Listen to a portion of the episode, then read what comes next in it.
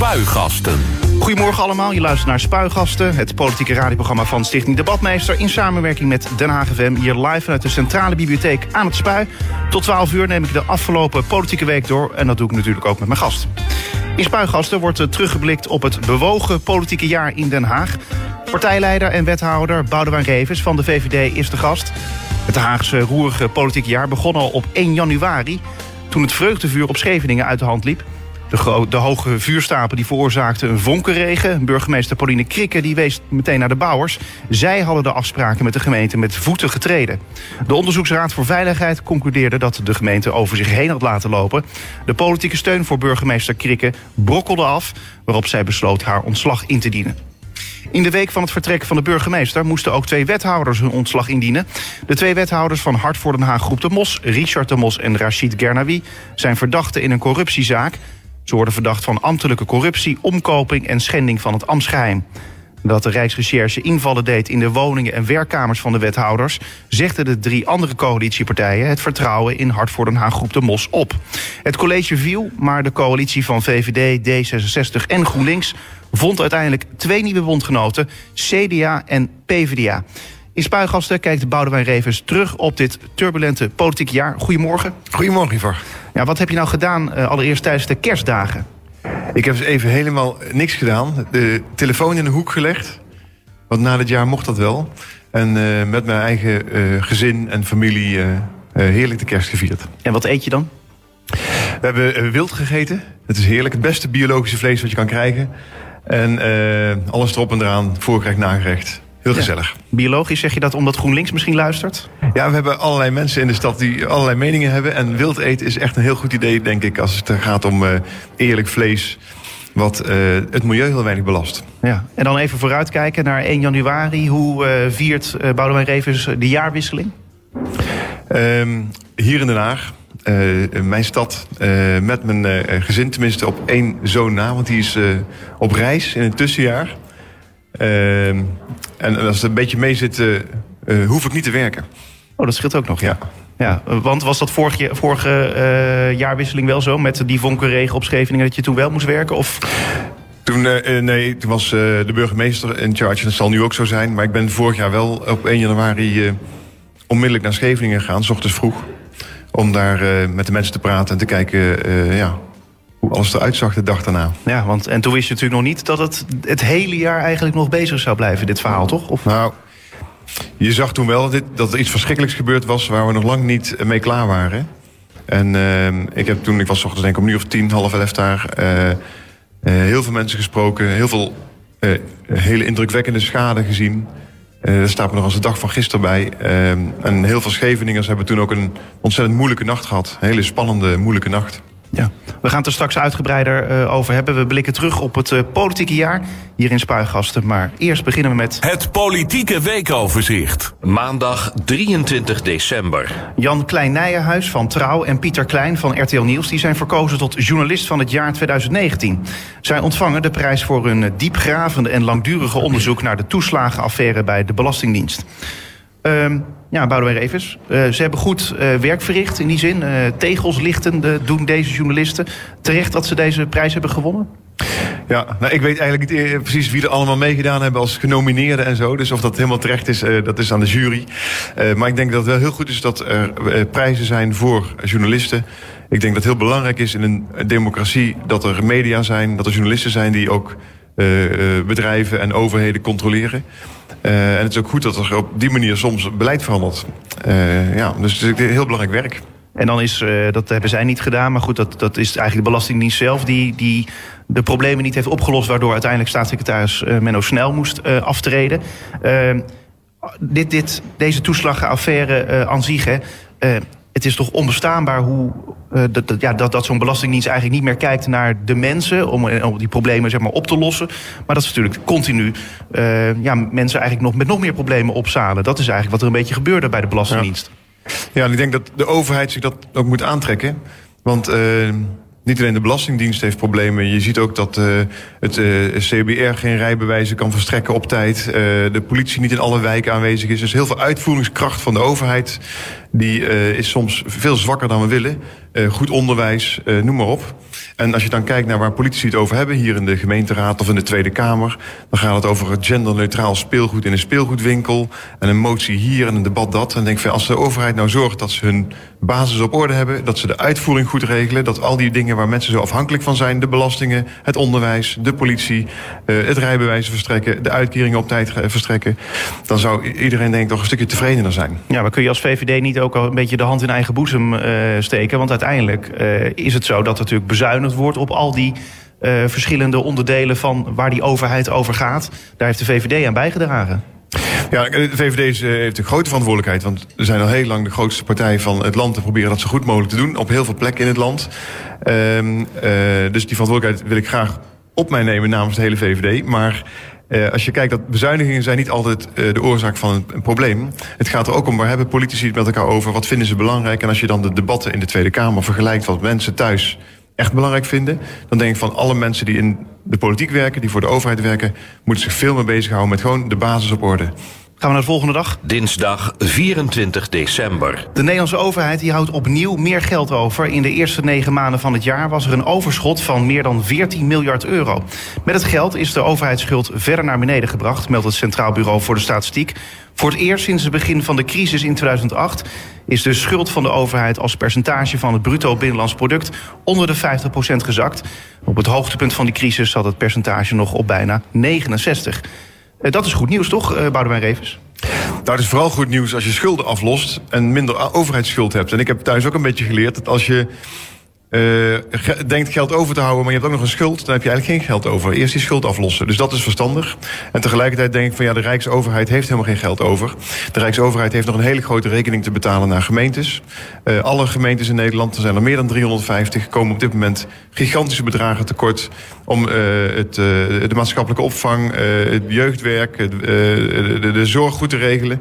Ehm, dat heeft de Rijksoverheid naar de gemeentes gedecentraliseerd, die taken overgedragen, zonder daar uh, genoeg geld bij te geven. Dus uh, de Rijksoverheid heeft geen geld over. Maak het maar over naar de gemeentes. Want wij willen al die mensen in onze gemeentes en steden... Uh, op een goede manier van goede zorg kunnen voorzien. Ja, toch opvallend. ik snap het, want je bent wethouder hier in een stad, Den Haag. maar uiteindelijk zou je toch ook heel blij moeten zijn... juist dat die schuld wordt afgelost. wat mee natuurlijk het beleid is van de VVD. Zo, om, om ook de lasten zo, zo laag mogelijk te houden. Ja, daar begon ik ook mee. Ik vind het belangrijk dat de schulden afgelost worden. Dus daarom is het ook niet helemaal waar als mensen zeggen... en dat stonden de kranten de afgelopen dagen een beetje bol van... er is geld over. Nee, er is geen geld over als je schulden hebt. En als je dan denkt van moet ik schulden aflossen of ga ik er iets anders van doen... dan zijn er ook nog een paar dingen die echt moeten gebeuren. En als wethouder Financiën van deze stad zeg ik tegen het kabinet van... ja, we hebben echt echt meer geld nodig. Ja. Uh, er zijn ook economen die zeggen van nou, het is juist goed als je uh, nu juist uh, investeringen doet. Want ja, de rente is wat negatief. dus je kunt juist meer doen met het geld dat je nu besteedt. Ja, ik denk dat het inderdaad waar is dat een aantal zaken in dit land een behoorlijke impuls kunnen gebruiken. Als je bijvoorbeeld kijkt naar mobiliteit, uh, uh, of het nou om uh, het snelwegennetwerk gaat, of de, de spoorverbindingen of openbaar vervoer in de grote steden. dat zijn enorme uh, bedragen die daarvoor nodig zijn, maar echt een enorm uh, belangrijke bijdrage aan de toekomst van Nederland en onze economie en het goed functioneren van het land. Woensdag 25 december. Komende zaterdagavond organiseren de bouwers van het Vreugdevuur in Scheveningen een fakkeloptocht door het dorp. De tocht eindigt op het strand waar de deelnemers bij vuurtonnen een drankje kunnen doen. De organisatie van het Vreugdevuur in Scheveningen had nog bezwaar kunnen aantekenen tegen het besluit van de gemeente, maar ziet daar vanaf. De keuze die we hebben gemaakt, hebben wij gemaakt omdat er eh, momenteel te weinig tijd is om alles te organiseren. Al dus een verklaring op Facebook. Er komt dus geen eh, vreugdevuur en in plaats daarvan richten de organisatoren zich nu al op de aanvraag voor de vergunning voor de volgende jaarwisseling, die van 2020 op 21. Uh, ehm, ja, ga je nog mee met de fakkeloptocht? Nee, dat, dat denk ik niet. Het is vandaag, hè? En uh, mijn moeder is vandaag jarig, ze wordt 80. Dus ik moet even naar de verjaardag van mijn moeder toe. Dat is belangrijker. Maar ik vind het wel heel goed van die organisatie dat ze op een positieve manier iets leuks organiseren. Dat ze ook de blik op de toekomst richten. Dat ze zeggen we gaan zetten alles op alles om voor volgend jaar wel een vergunning uh, uh, te krijgen. Ik vind dat heel uh, positief. Je hebt ook heel veel redenen kun je bedenken om teleurgesteld langs de kant te gaan staan. Maar uh, nee, dat doen ze heel erg goed. En ik hoop ook echt, echt heel erg dat volgend jaar rond deze tijd... we allemaal weer zien dat er gebouwd wordt op het strand... en dat die vuren wel door kunnen gaan. Dat zou echt heel goed zijn. Moet volgens de spelregels. Maar misschien kan het ook wel. Ik wel te denken, moet er niet dan ook een vergunning voor worden aangevraagd voor zo'n fakkeloptocht? Ja, dat, dat ligt er een beetje aan. Ik denk, het ligt aan hoe groot het is enzovoort. Dat zou we best kunnen. Maar ik neem aan dat ze hier ook contact over hebben met de gemeente... over de route en de spelregels. Donderdag 26 december. Dan gaan we naar eh, Hart voor Den Haag eh, in de Haagse gemeenteraad. Want die vraagt zich af of wethouder Boudewijn Revis, hier te gast, eh, nog wel in charge is. Want de partij stelt dat het ene na het andere bouwproject waar hij voor verantwoordelijk is, gierend uit de hand loopt. De partij doelt op het Cultuurpaleis, busplatform Den Haag Centraal en de Rotterdamse Baan. Andere projecten die worden genoemd zijn Kijkduin, de woontorens aan het Koningin Julianaplein bij Den Haag Centraal en de verbouwing van de Haagse Markt. Ja, is wethouder Revis nog in charge? Ja, uh, ik wel. En zij niet meer. Uh, en ze waren er wel bij. En ze waren ook onderdeel van het college toen we heel veel beslissingen namen hierover. Uh, maar het, het, klopt wel. Er zijn heel veel eh, bouwprojecten in de stad. En ieder bouwproject heeft uh, een moeilijke fase waarin er dingen tegenvallen. Waarbij de bouwer meer kosten maakt, of het duurt langer, of je komt problemen tegen. Dat hoort ook een beetje bij hele moeilijke, complexe projecten. Uh, dus ik schrik er zelf niet zo van. Uh, en we gaan het op zo goed mogelijke manier oplossen. Ja, maar je ziet dus wel dat, dat, dat er heel veel projecten zijn. Uh, normaal gesproken is het zo dat er, dat er misschien één project is. Ik kan me herinneren, herinneren nog de, de, de tramtunnel in die zin. Uh, dat zijn een paar van die projecten die dan eens even wat langer duren. Of bijvoorbeeld uh, wat, wat meer kosten. Maar dit zijn gewoon bijna alle bouwprojecten in Den Haag. Ja, nou, we doen er 650 op het ogenblik. Dus uh, we hebben 650 uh, bouwprojecten in de stad. Uh, om en nabij. En we doen heel veel tegelijkertijd. Daar heb ik ook echt heel erg voor gekozen. Ik, toen ik bouwwethouder werd, dacht ik van de handen uit de mouwen. En uh, aan de slag. Er moeten woningen bij voor heel veel mensen. Er moeten kantoorruimtes bij voor bedrijven die willen uitbreiden. Uh, dit is het moment dat we ook moeten investeren in de stad. Dat we lelijke plekken mooier maken. Nou, dan heb je heel veel projecten. Er zijn ook projecten bij die soms in een moeilijke fase komen. Dan moet je zorgen dat je voor de gemeente de belangen veilig stelt. Dus als je bijvoorbeeld het voorbeeld van de Rotterdamse baan noemt. Dat gaat nu een paar maanden langer duren. En uh, dat is voor de bouwer zelf heel vervelend. Die krijgt zijn bonusregeling niet. Die moet een boeteregeling betalen. Die moet extra kosten maken voor die extra tijd. En voor ons duurt het wat langer. Maar de financiële belangen van de gemeente zijn zo geborgd... dat het binnen het projectbudget kan blijven. Dus ik denk dat we dat goed doen. Maar uh, hoe zorgen er nu voor dat deze bouwprojecten niet allemaal nog meer geld gaan kosten... en niet nog langer gaan duren voordat ze opgeleverd worden? Ja, daar moet je gewoon iedere dag hard aan werken en goed op sturen. En soms moet je er ook voor kiezen om het iets langer te laten duren... om te zorgen dat het voor de gemeente bijvoorbeeld niet meer geld kost... of dat je een bepaald belang van bewoners nog wil uh, verwerken in het project... en waardoor het wat langer duurt. Uh, dus het is niet altijd zo dat als het langer duurt dat het slecht is... En ik denk ook dat het heel verstandig is om niet aan het begin van een project te zeggen van... weet je, voor de zekerheid zeg ik dat het een jaartje langer duurt.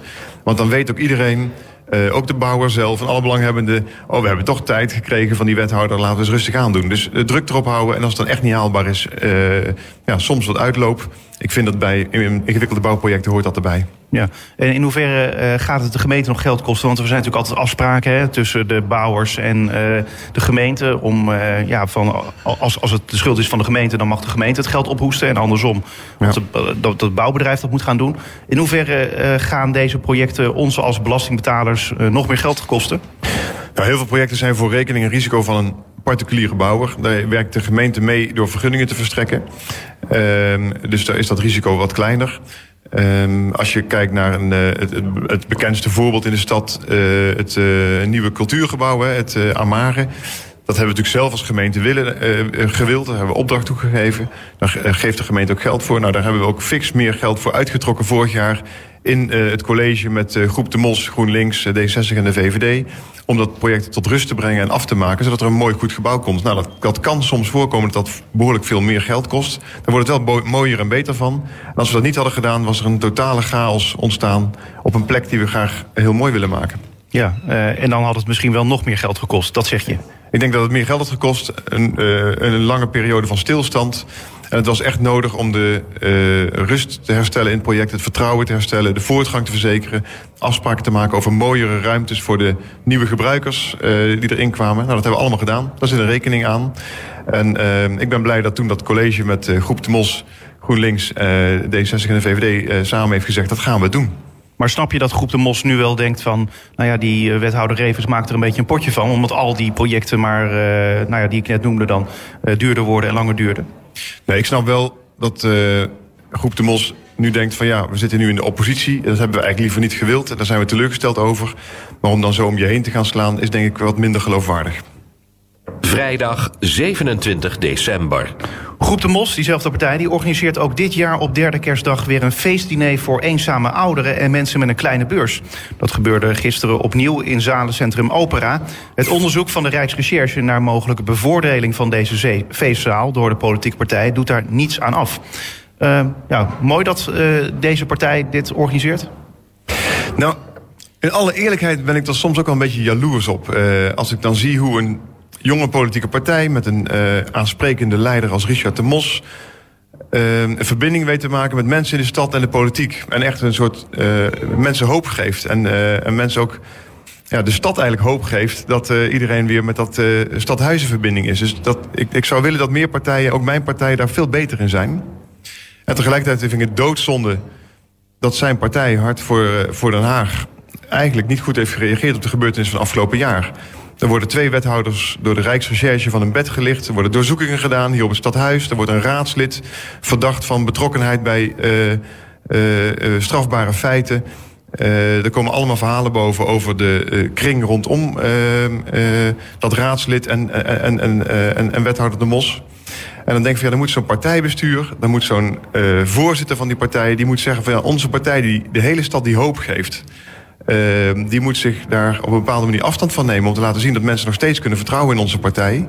En natuurlijk mogen Richard de Mos en Rashid Ganawi zichzelf verdedigen met een advocaat. Uh, dat, dat hoort in deze rechtsstaat. Maar de partij zelf heeft daar denk ik niet goed op gereageerd. Maar als je kijkt naar de partij zelf, uh, er zijn zat andere partijen dat als er landelijk iets speelt, dat het landelijke partijbestuur ook niet per se als eerste is die meteen ingrijpt. Nou ja, ik denk dat dat wel moet. Dat daar een partijbestuur voor is. Uh, ik heb uh, bij mijn eigen partij, de VVD, de ervaring dat onze lokaal, lokale bestuur daar bovenop zit. Ook uh, van raadsleden, van wethouders eist dat ze op een bepaalde manier een integriteit aantonen. Daar gesprekken over aangaan. Er is een vertrouwenspersoon. Er wordt ingegrepen als het fout gaat. Ook als je naar de landelijke VVD kijkt. Mensen lachen er vaak om van... Nou, dus die partij met al die schandalen. Nee, maar als er wat gebeurt bij de VVD... dan mikken we die persoon er meteen uit. Of die wordt in de wachtkamer gezegd tot het duidelijk is of er iets aan de, uh, aan de hand is of niet. Maar de partij kan ondertussen door. En dat is in het belang van het land, in het belang van de stad. En dat zou Hart voor Den Haag ook moeten doen. Want mensen putten toch hoop uit die manier van politiek bedrijven. Maar je weet toch niet of het partijbestuur uh, wel of niet heeft ingegrepen? Ik heb er niets van gemerkt. Ik weet niet eens wie de voorzitter is. En ik heb ook niks aan het gedrag gezien waarin je uh, ziet dat er geleerd is. En uh, sterker nog, Richard de Mos is openlijk in de media aan te vertellen dat het één groot complot tegen hem is. Uh, dat de Rijksrecherche en het Openbaar Ministerie aan zwartmakerij doet. Ja, dat vind ik niet. In een, dat, dat zet mensen meer op tegen de overheid... dan dat je juist die verbinding tot stand brengt. En je laat ook verkeerd zien dat dingen goed zijn die eigenlijk uh, fout zijn. Het kan toch niet zo zijn in deze stad dat alleen de vriendjes van de mos zich niet aan de wet hoeven te houden. En dat is nu wel wat er, als ik om me heen kijk, gebeurd is. Er is een hele kring die heeft uh, voorrechten gehad. Maar alle ondernemers moeten zich aan de wet houden. Ook de ondernemers die niet een vriendje van de mos zijn... moeten kunnen profiteren van nieuw beleid. Uh, dat is uh, toch iets wat ja, besproken moet worden. Maar de Mos zegt zelf van ja, ik heb niks fout gedaan. hij heeft ook de stukken van het Openbaar Ministerie nog steeds niet. Hij weet niet waar hij van nou echt precies van wordt verdacht. Dus aan de andere kant kun je toch ook zeggen... ja, zo'n partijbestuur, op welk, basis van welke feiten moet je dan handelen? Ik denk dat uh, als je dan kijkt naar hoe andere partijen dat doen... dat je op zo'n moment moet zeggen... hier is uh, uh, zoveel twijfel over de integriteit. Want het is niets voor niks als er een, groep agenten van de Rijksrecherche aan je deur klopt om zeven uur s ochtends, dan moet er toch iets aan de hand zijn. Dat je dan zegt in het belang van de partij, in het belang van het stadsbestuur, in het belang van al die mensen die op onze partij gestemd hebben, alle andere mensen die denken van hier staat dat stadsbestuur, daar willen we vertrouwen hebben. Doe een stapje terug. Uh, uh, uh, ga tijdelijk op non-actief zitten. Verdedig jezelf als je denkt dat je onschuldig bent. Natuurlijk, niemand is schuldig in dit land totdat de rechter dat heeft uitgesproken. maar er is genoeg aan de hand om een stapje terug te doen. Ja, maar genoeg aan de hand. Ja, ik bedoel, er gaan alarmbellen misschien af. Maar ja, het hoeft niet per se dan iets te zijn dat er ook, om maar even iets te noemen, dat er in een winkel een diefstal wordt gepleegd. Ik constateer dat het Openbaar Ministerie heeft gezegd: wij doen onderzoek naar schending van het ambtsgeheim, corruptie. Uh, dat zijn zware beschuldigingen. Ik uh, uh, zie ook dat er nu verhalen boven komen waarin ik echt het idee krijg van... als jij een vriendje van de mos was, dan had je voorrang. Ehm, en dat hoort zo niet te zijn. Ook al die mensen in de opera met het kerstdiner... ik vind het hartstikke goed dat op die manier een bepaalde verbinding wordt gemaakt. Maar er zijn heel veel arme mensen in de stad.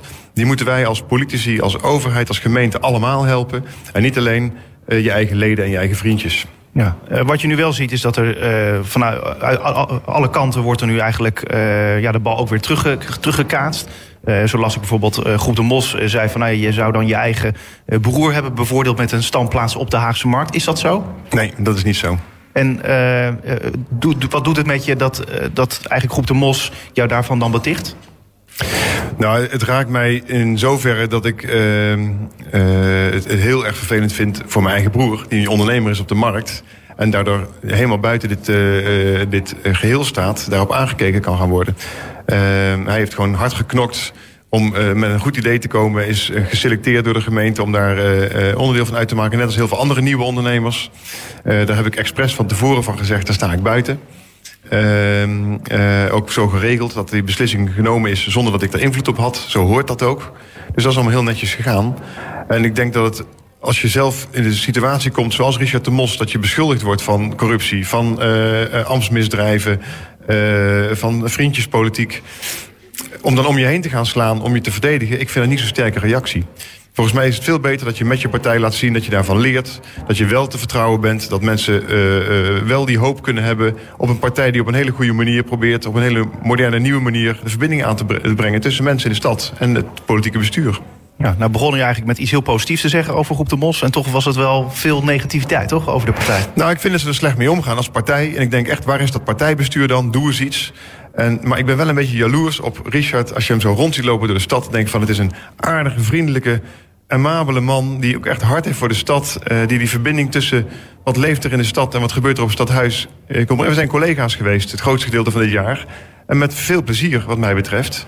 Alleen, de, ja, dit is gewoon, het is uit de hand gelopen en, en dat is doodzonde. Zaterdag 28 december. Het is weer drukker geworden op de weg. De files op de Nederlandse wegen zijn dit jaar met 17% toegenomen... vergeleken met 2018. Blijkt uit de jaarlijkse filecijfers van de ANWB. Niet alleen in de ochtend- en de avondspits... maar ook overdag hadden weggebruikers meer oponthoud dan in 2018, al dus de ANWB. Uh, merk je er zelf iets van? Eh, nou, heel weinig, want mijn woon-werkverkeer is, uh, is heel kort. Een kilometer of anderhalf. En je moet ook de stad door? En uh, ja, het is, het, is, het is soms heel druk. Als je uh, door de stad rijdt, dan merk je dat Den Haag zo aan het groeien is... en zoveel mensen wonen... dat we dat niet allemaal meer met de auto kunnen doen. Dus mensen die de auto nodig hebben, moeten de auto kunnen gebruiken. Maar daarvoor is het heel veel belang heel erg van belang dat andere mensen die die auto niet per se nodig hebben, dat openbaar vervoer gaan gebruiken. En dat betekent dat wij moeten zorgen vanuit de politiek, het bestuur, dat er meer en betere uh, tramverbindingen zijn, meer en beter openbaar vervoer, alternatieven zoals de Felix en, de, uh, en, natuurlijk de fiets. Want het wordt wel heel vol. Ja, uh, nu hebben jullie zelf als college natuurlijk ook een dienstauto. Is het nou zo dat jij soms denkt van, nou ja, ik weet nu dat het zo druk wordt, misschien dat ik beter met de fiets kan gaan of met de tram of de bus in plaats van de auto?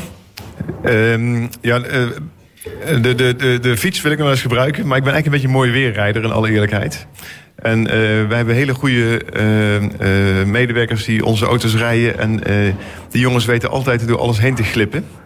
Uh, uh, dus zijn de bewoners dan weer wat minder blij mee natuurlijk. Nou, nee, die, uh... ik, wel legaal hoor. Ik bedoel niet stiekem over een stoepje of wat dan ook. Maar ze weten altijd de route zo te kiezen dat je niet over, voor al die stoplichten staat.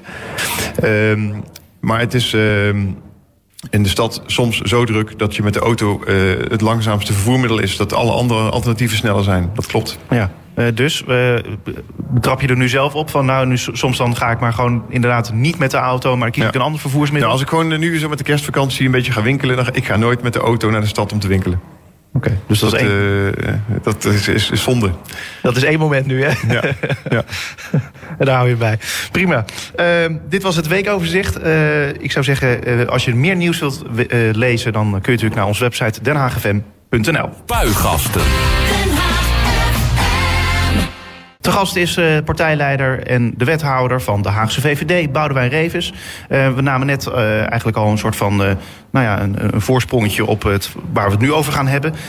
want we gaan dit uur terugblikken op het afgelopen politieke jaar. Het was een roerig jaar in Den Haag. Dat eigenlijk al begon op 1 januari.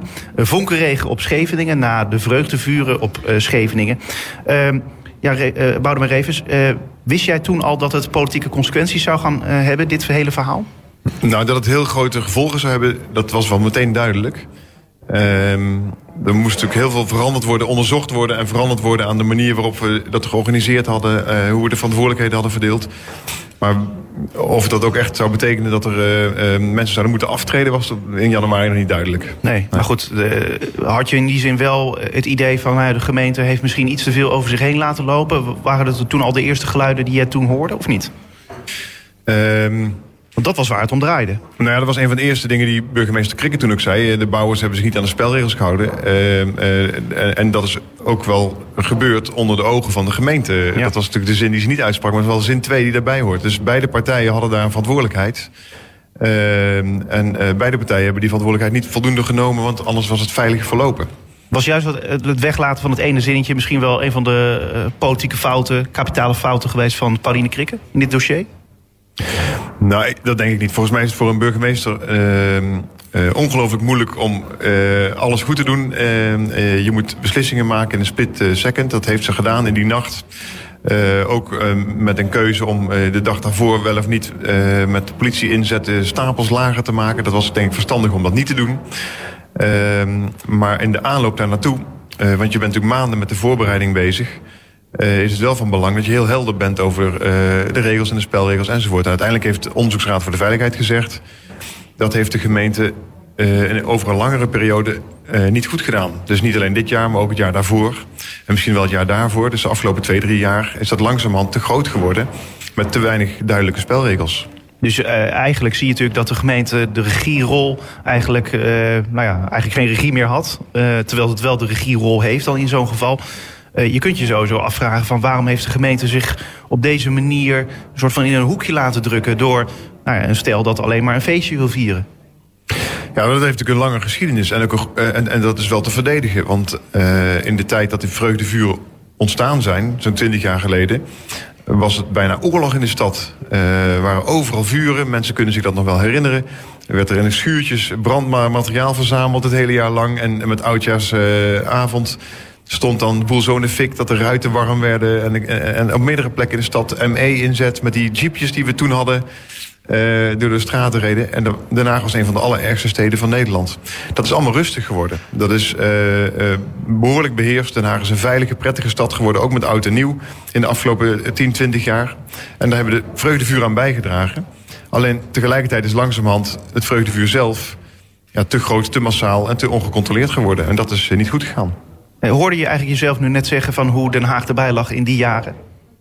Het was een redelijke puinhoop, hè? Ja, en uh, als je nu kijkt naar de afgelopen weken in uh, Duindorp, maar ook Scheveningen, Laak, allerlei brandjes. Misschien niet zo erg als toen, maar uh, ja, we kunnen wel spreken, we waren in het landelijke nieuws.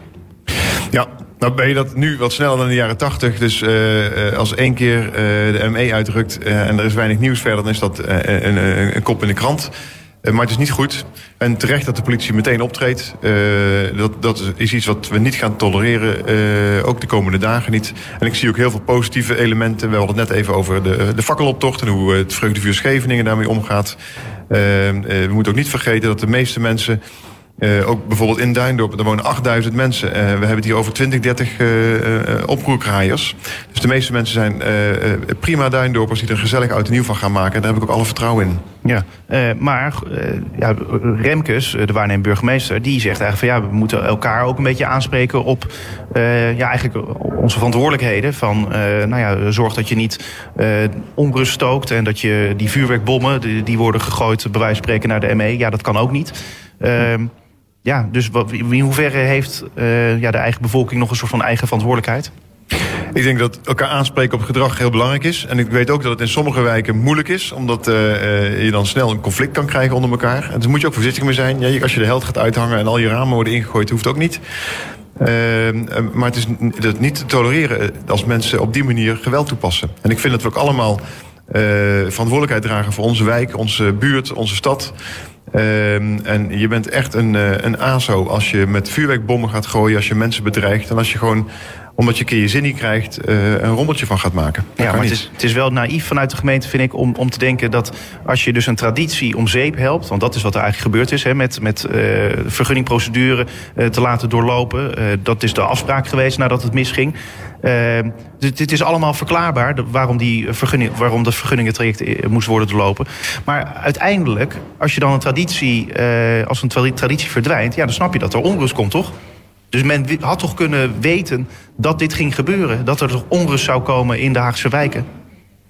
Maar er is er ook niemand die zegt dat uh, het niet doorgaan van het vreugdevuur... dat er dan iemand op het stadhuis dacht... ja, en dan verder zal het wel rustig blijven en dat vindt iedereen oké. Okay. Dus ik zou, dat, dat iedereen uh, zich realiseert dat een moeilijke beslissing... als het niet door kunnen gaan van die vuur op dit moment ook betekent dat sommige mensen daar ontevreden over zijn. Ja, dat heeft natuurlijk iedereen zich gerealiseerd. Ja, maar goed, dan zou je dus ook kunnen kijken van... kunnen we toch nog proberen om iets in te dammen... Eh, meteen met elkaar in gesprek nou, gaan? Daar zijn we ongeveer het hele jaar mee bezig geweest. Ja. Dus uh, we hebben echt alles uit de kast gehaald... om en te leren van de aanbevelingen van het Onderzoeksraad voor de Veiligheid... Er zijn heel veel mensen die hebben vorig jaar ongelooflijk ingewikkelde, moeilijke nacht gehad met gevaar voor uh, hun huis en haard en eigen leven soms. Uh, dat moet nooit meer op die manier gebeuren. Om dat veilig te kunnen laten verlopen. Uh, hebben we gekeken met de brandweer hoe groot kunnen de vuren dan zijn? Hoe kunnen we daar een uh, vergunningstelsel op uh, neerzetten? Nou, in de beperkte tijd die er was, is het niet gelukt om dat nu voor elkaar te krijgen. Ehm, en ik vind, dat ik zei het net al bij de reactie van de Vreugdevuur Scheveningen... ik vind het ontzettend goed dat de organisatoren vooruitkijken... en met elkaar gaan zeggen, we gaan kijken of het volgend jaar wel voor elkaar kunnen krijgen. We hebben meer tijd, kunnen we er rustig over nadenken.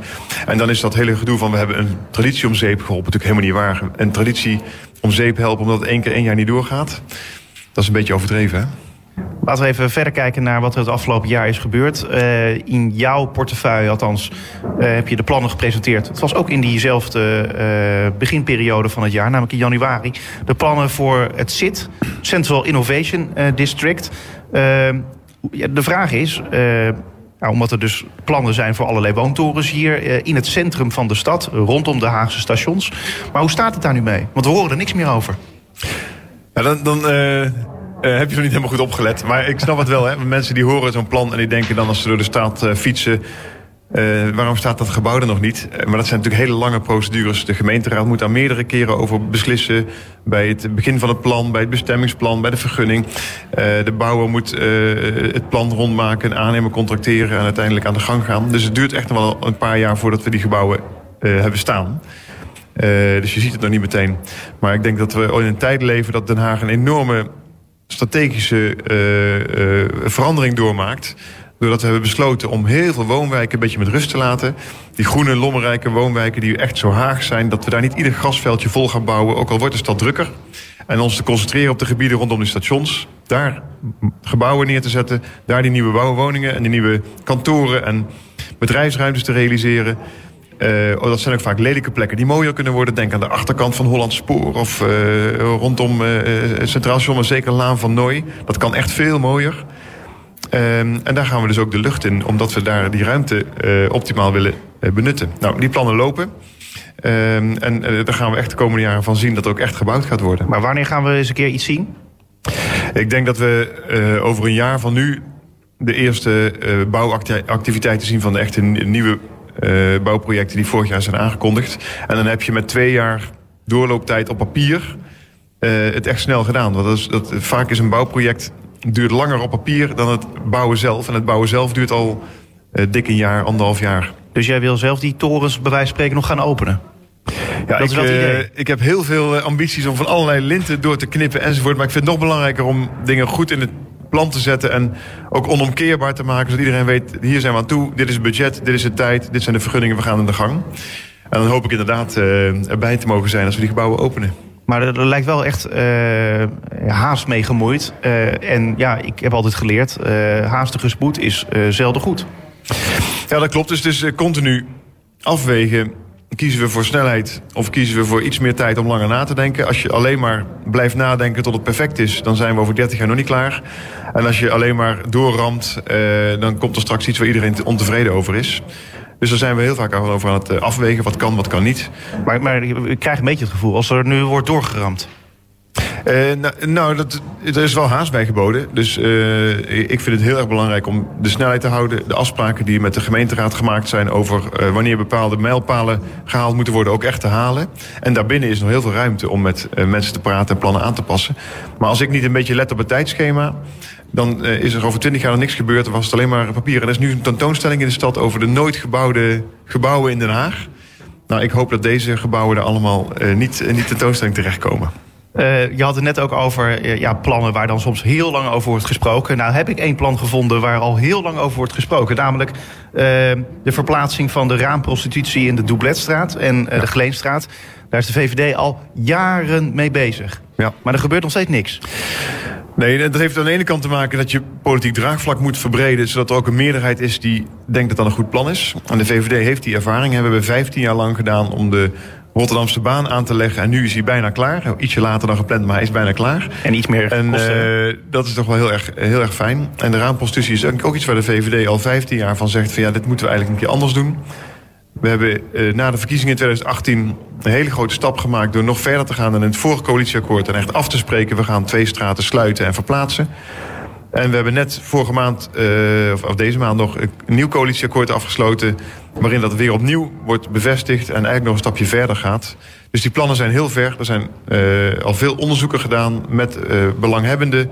Zowel aan de kant van de sekswerkers bij Shop als de kant van de eigenaren en ontwikkelaars. Omwonenden, uh, lijkt mij ook. Omwonenden, daar zijn uh, uh, ook draagvlakonderzoeken bij gedaan en die zijn betrokken. Dus in 2020 gaan die plannen ook echt heel erg concreet worden. In 2020 gaan de plannen concreet worden. Ja, ja. Maar ja, dat, dan zijn er plannen en ja. dan moet het nog eens een keer tot uitvoering komen. Zeker. Dat ga je niet meer meemaken dan als wethouders hier. Nou ja, ik weet het niet hoe lang ik dat nog blijf doen. Maar ik hoop wel om een hele belangrijke bijdrage te leveren aan dit traject. En te zorgen dat ook hiervan iedereen zegt van ja, dit is een goed plan. Er is breed draagvlak voor, er is goed over nagedacht voor alle belanghebbenden. En uh, we kiezen daarvoor. En als het dan onomkeerbaar is en het, uh, het plan is in werking... ja, dan, dan gaat het echt wel een paar jaar duren. Ook omdat hier bijvoorbeeld een hele belangrijke wens is... dat de sekswerkers uh, niet in een periode zonder werkplek willen zitten. Dus je moet eerst de ene locatie bouwen... en dan die andere locatie afbreken... Dus als je dat bij elkaar optelt, dan ben je gewoon een paar jaar zoet. En op lange termijn is het heel goed voor de stad. Uh, gaat het oude centrum weer helemaal bloeien als de Doubletstraat dicht is. Daar ben ik echt van overtuigd. Dat we in de rivierenbuurt rond het Rijswijkse plein... Uh, een enorme nieuwe levendige buurt gaan krijgen. Ik denk dat we de werkomstandigheden van sekswerkers in deze stad... waar je op dit moment, als je daar goed naar kijkt... je eigenlijk voor moet schamen hoe dat gaat. Ook al is het volgens de wet, maar de arbeidsomstandigheden... de voorzieningen kunnen veel beter... Uh, ik denk dat we dus echt een win-win situatie kunnen maken. En een voorbeeld kunnen zijn voor hoe je omgaat in een grote stad met raamprostitutie. Want dat hebben andere steden worstelen daar ook allemaal mee. Laten we gaan naar eigenlijk ja, de belangrijkste week van dit jaar. Dat was die eerste week van oktober. Boerenprotest waar, was gepland op die dinsdag. Uh, en wat er ook nog uh, gebeurde was natuurlijk de invallen van de Rijksrecherche bij, op de twee werkkamers uh, van twee wethouders hier in het stadhuis. Van Richard de Mos en van Rachid Gernawi. Van beide van Hart voor Den Haag Groep de Mos. Maar ook hun woningen werden doorzocht. Ehm, terug naar die dag, uh, Boudewijn Revers. Want uh, ja, Pauline Krikke die zat toen ook in allerlei overleggen die ochtend. Had toen te maken natuurlijk met het protest wat er toen die ochtend ook was. Ehm, als je nou terugkijkt naar die dag ja, men sprak toen heet het van een soort inktzwarte dag. Uh, dat, dat, daar kijk je nog steeds op die manier naar terug? Ja, ja dat was uh, verschrikkelijk. En uh, ik ben eigenlijk bijna letterlijk van mijn stoel gevallen. En ook echt even eerst helemaal stil van geweest... voordat je dacht van ja, we moeten wel handelen... want we zijn wel het bestuur van de stad en er moet wat gebeuren. Ehm, op de eerste plaats komt het ook dichtbij je, want het zijn twee collega's waar je intensief mee samenwerkt. Waar je diezelfde dag en, en zelfs diezelfde avond nog afspraken mee, uh, mee hebt. Die opeens uh, ja, met de politie zijn meegenomen en ergens in, worden. We wisten ook niet precies waar en hoe. Het is ontzettend slecht voor de stad dat het Openbaar Ministerie en de Rijksrecherche aanleiding vindt om bij twee bestuurders binnen te vallen. Terwijl wij allemaal zo ons best doen om te zorgen dat mensen in de stad vertrouwen hebben. Uh, dat de mensen die in het IJspaleis werken, dat die wethouders met elkaar de hele dag bezig zijn. Zo goed mogelijk hun werk te doen voor de stad. Uh, maar ook voor iedereen hetzelfde te handelen. Dat je niet aan vriendjespolitiek doet. Dat je niet de een bevordert boven de ander. dat je eerlijk met elkaar omgaat. Dat je dat integer doet. Dus het was ook heel slecht voor het aanzien van, de, van het stadsbestuur... waar mensen vertrouwen moeten hebben, anders functioneert de hele democratie niet. Dus ik, ik dat was echt een hele zwarte dag. En ja, als je daar dan nu op terugkijkt... het was die dag die natuurlijk... nou ja, dat ineens alles naar buiten kwam, in die zin... had jij daarvoor al een soort van idee van, nou ja, er, klopt iets niet of er is een luchtje aan in die zin? Um, nee, ik, je ziet wel een bepaalde spanning, want uh, de, de, de, politieke visie van uh, Hart voor de Haag Groep de, uh, Groep de Mos was ombudsmanpolitiek. Dat betekent, je hoort wat in de stad en dan ga je proberen voor die mensen dat op te lossen. En daar zit natuurlijk een spanning tussen voor één iemand wat doen en tegelijkertijd het algemeen belang afwegen. En voor iedereen gelijke monniken, gelijke kappen, dezelfde regels hanteren. Maar dat geldt toch eigenlijk voor elke politieke partij? Want uh, de VVD komt ook op voor ondernemers. Uh, D60 komt uh, ook voor bepaalde instituties op. Ja. Nee, dat is voor, in zekere zin is dat waar. Iedereen heeft daar wel mee te maken. Maar als je echt zegt, wij zijn van de ombudsmanpolitiek... Dus als wij in de uh, straat horen dat slagerij ei graag een, uh, een grotere toonbank wil, dan gaan we dat proberen te regelen in de, in de gemeenteraad. Dan uh, heb je sneller het risico dat je één iemand bevoordeelt ten kosten van iemand anders die zich niet heeft laten horen. Terwijl je altijd moet afwegen wat is het beste voor de hele stad. En wat zijn gelijke regels, gelijke monniken, gelijke kappen. Voor alle ondernemers dezelfde wetten moeten gelden. Dezelfde regels voor alle uh, bewoners ook. Dus die spanning voel je wel. Maar ik had het idee dat we daardoor goed met elkaar over te spreken. Uh, op een hele goede manier mee om konden gaan. Hè. De, de, VVD werkt vanuit een liberale visie op de samenleving. Zij werken vanuit een ombudsmanpolitiek uh, visie op de samenleving. Nou, ze hebben er wel acht zetels meegekregen. D66 en GroenLinks hebben weer een andere ideologische achtergrond. Dan probeer je op samen te werken. En uh, dat dit zo uit de hand is gelopen en blijkbaar zo mis is gegaan... dat de Rijksrecherche bij twee wethouders en een raadslid binnenvalt... dat ze ook echt verdacht worden van strafbare feiten... dat, dat heb ik niet zien aankomen. Je, had nog wel gebeld met ja, de twee... En dat werd wel heel gewaardeerd, eh, merkte ik elke keer in alle interviews die dan Richard de Mos en Rachid Gernoui uh, gaven. Terwijl je andere collega's dat dan weer niet deden. Mm -hmm. Dus toch opvallend. Waarom deed jij dat dan wel en waarom deed de rest dat niet? Ja, dat vind ik een moeilijke vraag. Uh, ik vind het ook een beetje menselijk dat je eigen collega's die plotseling in een hele andere uh, wereld terechtkomen, dat je gewoon menselijkerwijs daar aandacht aan besteedt. En ik heb het ook heel erg gewaardeerd dat ze allebei, Richard en Rachid de telefoon opgenomen hebben en dat daar gesprek over. Uh, ze hadden ook uh, kunnen denken van ik heb andere dingen in mijn hoofd of ik wil niemand meer zien. Uh, dus het is van twee kanten gewaardeerd. Dat hoort er ook een beetje bij. Je werkt intensief samen. Ehm, en als dit soort dingen gebeuren, moet je daar ook over hebben hoe desastreus dat kan zijn in een persoonlijk leven.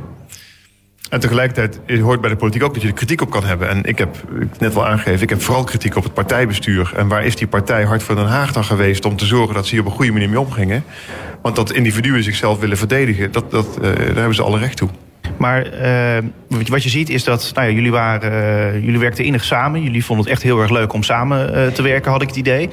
Uh, zowel jij als, uh, als eigenlijk met de partij Hart voor Den Haag Goed de Mos. En ook gewoon, nou ja, volgens mij een goede verstandhouding met Richard de Mos. Dat blijkt ook wel uit de telefoontjes. En dan zie je dus in de politiek dat uh, Richard de Mos, die noemt nu een nieuwe college met, ja, dat nu aangevuld is, die eigenlijk die vorige coalitie met CDA en PvdA, een FOP-coalitie. Hij valt jou aan. Jij slaat weer terug nu naar het partijbestuur van Hart voor Den Haag Goed de Mos. Wat doet dat nou met die verstandhouding? Ja, ik, het is uh, journalistieke vrijheid. We waren net complimenteus over uh, journalisten. Maar ik vind niet dat dat terugslaan is. Ik vind dat als je goed kijkt naar de situatie... dan denk ik dat hier ontbreekt echt een partijbestuur.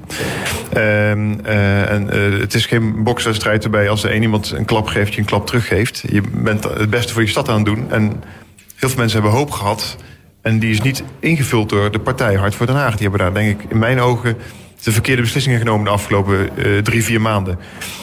Ehm, maar tegelijkertijd uh, hebben wij goed kunnen samenwerken. Dat is, uh, dat is waar. En het is uh, jammer als de teleurstelling bij Groep de Mos en bij Richard de Mos als persoon zo groot is dat hij nu om zich heen slaat en tegen iedereen van alles roept. ik denk dat je daarmee het vertrouwen in het stadsbestuur nog verder ondergraaft. De tegenstellingen nog groter maakt. En eigenlijk niet bijdraagt aan de oplossing. Terwijl hij wel de belofte in zich had een bijdrage te kunnen zijn aan die oplossing.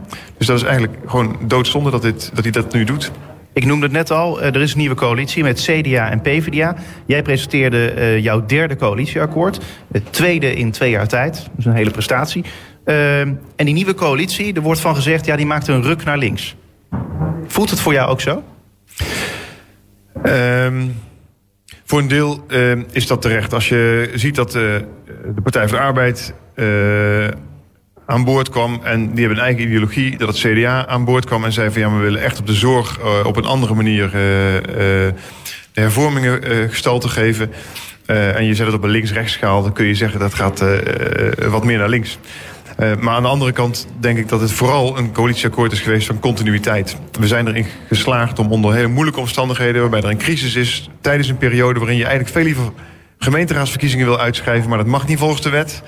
Dus je moest het doen met, waar we, uh, met materiaal wat we hadden. Uh, hebben we continuïteit van beleid verzekerd. We hebben gezorgd voor een degelijke begroting. Dat vindt de VVD het allerbelangrijkste. Een begroting die sluit, die ook op lange termijn houdbaar is, zonder problemen voor je uit te schuiven. We hebben gezorgd dat inkomsten die door de verkoop van Eneco worden gerealiseerd niet uh, verbrast worden of verkwanseld worden. Of dingen die sommige mensen dan links noemen ermee gebeuren. Uh, het gaat naar investeringen in de stad. Uh, we hebben gezorgd dat de grote bouwplannen waar we het net over hadden, het Central Innovation District, de kust gezond op Scheveningen, dat dat gewoon door kan gaan. Dat de hervormingen in de zorg ook echt doorgaan, maar op een iets andere manier. Dus het is vooral continuïteit van beleid. En tegelijkertijd dan eh, gun ik het ook toetreders om het een beetje links te noemen. Vind ik niet erg. Nou ja, als je kijkt naar eh, de OZB die stijgt, eh, de hondenbelasting die, die blijft en de toeristenbelasting die gaat omhoog. Het zijn best wel rigoureuze keuzes. En dan vraag ik me bijna af, zal Boudewijn Revens wel aan de onderhandelingstafel? Uh, ja, ik ben ook een keer weggelopen, maar uh, uh, want soms werd het wel te gek. Ben je weggelopen van de onderhandelingstafel? ja, we hebben een keer echt, dat ging over de OZB, echt een groot conflict gehad over hoeveel problemen moet je nou oplossen met belastingverhoging en wat kan er nou wel en wat kan er nou niet. Maar ik denk dat er uiteindelijk evenwicht wat gevonden is op een begroting waarbij we 70 miljoen euro moesten bezuinigen structureel, dus ieder jaar opnieuw 70 miljoen, is 10 miljoen gevonden in het verhogen van de onroerende zaakbelasting. En de rest zijn dus voor uiteindelijk 53 miljoen bezuinigingen. Ik vind dat een behoorlijk goed VVD-onderhandelingsresultaat. Uh, en het betekent voor de huizenbezitter... ik vind de OSB zelf een verschrikkelijke belasting... want het is een discriminerende belasting... want je belast mensen met een eigen huis... maar mensen die huren of op een andere manier wonen... die hoeven dan niks te betalen... Um, maar dat betekent voor de huisbezitter van een beetje bovengemiddeld huis... Uh, 4 euro in de maand belasting. Nou, ik vind het allemaal te veel... Voor mij hoeft het allemaal niet. Maar als je naar het evenwicht kijkt, met, je moet met vijf partijen samenwerken. Dan is het wel een fair share ten opzichte van de bezuinigingen die we ook onderhandeld hebben. Ja, maar eh, de VVD liep dus weg van de onderhandelingstafel op dat moment, toen het hierover ging. Ja, soms lopen we, we zijn niet alleen maar vriendjes en eten M&M's, maar we hebben ook wel eens dat we met de vuist op tafel slaan of zeggen van ja, nu gaan we de boeken dichtslaan en we lopen even weg, want dit, zo gaan we niet verder. Maar, maar het is niet doen. Maar, het is niet, maar het is niet dat jullie hebben gedreigd van wij, wij gaan echt niet meer verder met deze uh, onderhandelingen. Het, het, is, het was gewoon op dat moment heel even ademhappen, dat was het. Je moet soms een grens aangeven. Uh, zodat het ook voor iedereen duidelijk is dat, het, dat, er, dat je een moeilijk punt hebt en dat je een ondergrens hebt. En uh, dat geldt voor alle partijen. Eh, de pijn moet een beetje eerlijk verdeeld zijn. Ja. En ik denk dat de OZB-verhoging geen uh, euro meer had moeten zijn, want dan was de VVD er niet meer akkoord te gaan. En nu kijk je toch wel tevreden terug op dit jaar, tot slot? Ik vond het een uh, heel moeilijk jaar. Uh, grote verantwoordelijkheid uh, met heel veel moeilijke beslissingen. Maar uiteindelijk hebben wij gezorgd dat het stadsbestuur overeind staat. Dat de stad nog steeds fatsoenlijk bestuurd wordt. Dat mensen in de stad er geen last van hebben gehad wat er gebeurd is. heel veel grote projecten gaan door. Dus die continuïteit van bestuur, daar ben ik tevreden over. En volgend jaar ook een nieuwe burgemeester van Den Haag. Boudewijn Revers, dankjewel. Dankjewel. En uh, dit was Spuigasten voor dit jaar. Laatste aflevering. Ik zou zeggen, graag tot volgend jaar.